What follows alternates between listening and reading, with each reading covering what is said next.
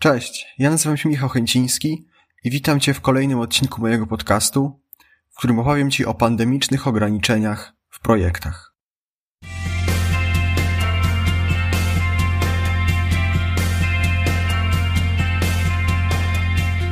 Na początku muszę zacząć od tego, że dawno nie było odcinka. Było to spowodowane tym, że chciałem sobie odpocząć od tworzenia treści w wakacje.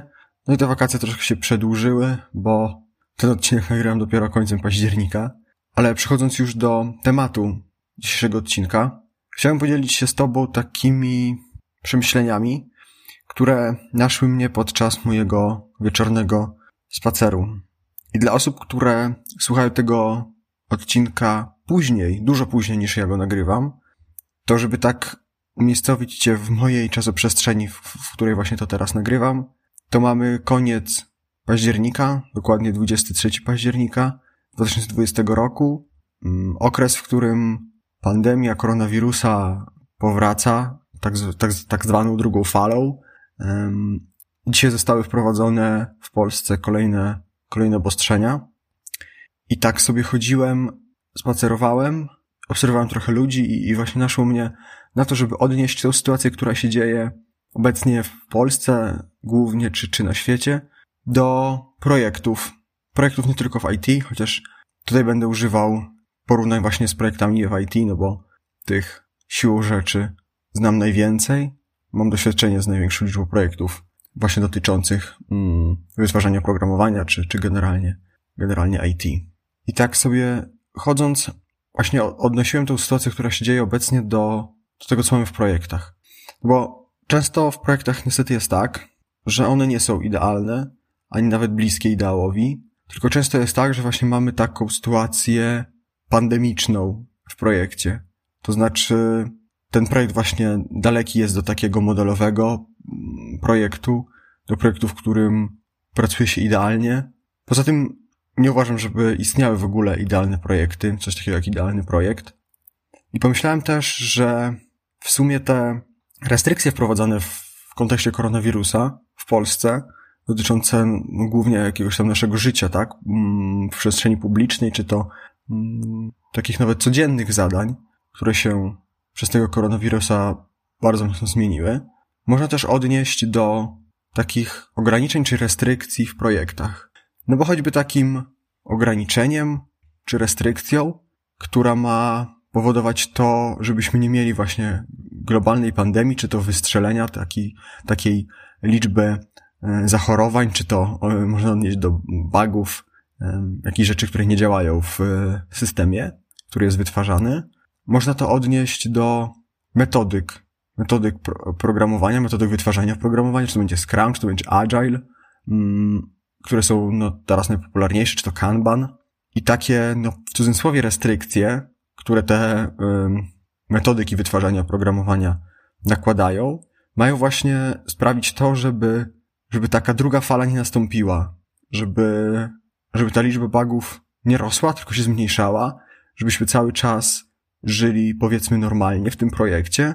Te metodyki wytwarzania oprogramowania choćby właśnie nakładają na nas mm, jakieś takie ramy, w, jakich, w których mamy się poruszać, definiują procesy, ale znowu, jeżeli nie będziemy się do tych zaleceń czy, czy ustaleń, jakie w projekcie są, stosować, no to wtedy ta liczba zachorowań, czyli, czyli mm, odnosząc to do projektu, liczba bugów, błędów, nieprzetestowanych funkcjonalności będzie stale rosła mm, do momentu, w którym nie będziemy w stanie nad tym zapanować, bez totalnego zamknięcia projektu i skupienia się tylko i wyłącznie na naprawianiu tych bugów, a nie na tworzeniu nowej, nowej wartości. Czy już no, skrajną sytuacją jest to, kiedy trzeba taki projekt przepisać od nowa, bo w tym, który jest teraz, nie da się nic zrobić, tak?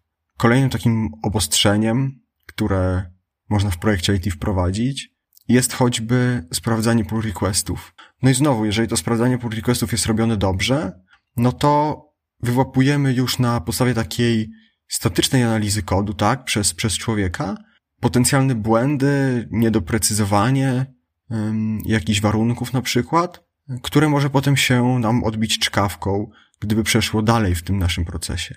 No ale załóżmy, że Tutaj znowu mm, osoby, które robią takie, takie code review, uznają sobie, a dobra, tam klepnę mu to mała pierka, to tam nic nie będę sprawdzał, e, jakby co to się naprawi. No i powiedzmy, że jest dalej ten proces, powiedzmy, testowania tego oprogramowania, testy jakieś automatyczne. I w projekcie jest jakieś ustalenie, że na przykład te testy automatyczne mają być na poziomie, nie wiem, 60% mają pokrywać kod, czy 40%. Bo taka liczba została wybrana, że to jest jakby ta korowa funkcjonalność. No i załóżmy, że jedna osoba w projekcie, czy x tych osób w projekcie uzna, że a, to tam te testy, to mi się nie chce, przecież to wszystko dobrze napisane, to proste, to działa, nic tutaj nie trzeba testować. I można to odnieść do tego, że wszyscy noszą maseczki, a parę osób nie nosi, a, bo przecież wszyscy noszą, to ja jestem bezpieczny. Albo, a, przecież do tego nie widać wirusa. No i znowu, jeżeli jest jakaś umowa i ona nie jest spełniana, no to na dalszych etapach ten proces mm, wytwarzania oprogramowania będzie się nam sypał, czy będzie po prostu trudniejszy. No bo jeżeli jedna osoba nie pisze testów do swojej funkcjonalności, albo pisze je pobieżnie, albo pisze je na odwal, w cudzysłowie mówiąc, no to wtedy cierpią wszystkie osoby, które są w danym projekcie, bo na przykład przez to, że nie, nie było testowane to dostatecznie jednostkowo, no to wychodzą takie bugi potem na dobrze jakby było na środowiskach przedprodukcyjnych, tak? Ale nie daj Boże wyjdzie taki kod na produkcji, wszyscy się stresują, bo trzeba go szybko naprawić i jakby błąd czy niedopatrzenie jednej z osób wpływa na cały, na cały projekt, na cały system. Tutaj o testach na pewno w tym kontekście więcej by powiedziała choćby Ola Kunysz, do której odsyłam. Link oczywiście będzie w opisie tego odcinka. No ale następną kwestią właśnie tak, takim ograniczeniem, taką restrykcją dotyczącą e, pandemii w projekcie jest przechodzenie kolejnych etapów, mm, kolejnej ścieżki jakby środowisk. No mamy na przykład środowisko najpierw deweloperskie, potem mamy środowisko jakieś produkcyjne, preprodukcyjne i dopiero to ten nasz kod, te nasze zmiany trafiają w jakichś tam partiach na produkcję. No i znowu, jeżeli na przykład mamy za mało testerów, którzy nie są w stanie obsłużyć takiej liczby zmian, albo ci testerzy nie do końca się przykładają do swojej pracy, albo niedopracowane są przypadki testowe, nie odzwierciedlają do końca realnych mm, przypadków użycia danego systemu, no to wtedy znowu nie wszystkie błędy mogą zostać wyłapane na tym etapie, więc przechodzą dalej. No jeżeli przechodzą dalej, no to prawdopodobnie szansa jest, że jakiś tam błąd trafi na środowisko produkcyjne, czyli zobaczą go klienci. No jeżeli go zobaczą klienci, to biznes zaczyna tracić po prostu. Czy choćby muszą zostać przy takim lekkomyślnym podchodzeniu do testów, czy generalnie do, do wytwarzania programowania, na przykład muszą być dokładane kolejne warstwy testowania. Ja nie mówię, że bez jakby pandemii w cudzysłowie w projekcie one są niepotrzebne, mm, ale na przykład większy nacisk musi być położony na e, wyższych etapach. Na przykład testy integracyjne. Muszą być, ich, musi, musi być ich więcej, muszą być lepiej pisane, bardziej ściśle, muszą być um, na przykład po, muszą pokrywać większą część naszego systemu, coraz większą i większą i większą. Mm, I to jest duży koszt, bo wyeliminowanie baga na tym, powiedzmy, wstępnym etapie, gdzie na przykład bug zostaje wyłapany przez dewelopera na jego środowisku, jest najmniej kosztowne.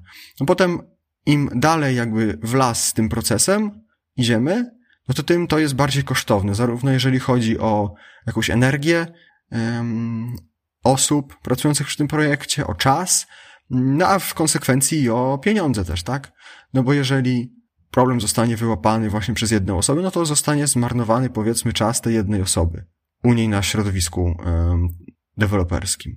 Natomiast jeżeli pójdziemy dalej z tym błędem, no to wtedy osoba na code review na przykład taki błąd wyłapie. Więc tutaj już czas dwóch osób był poświęcony.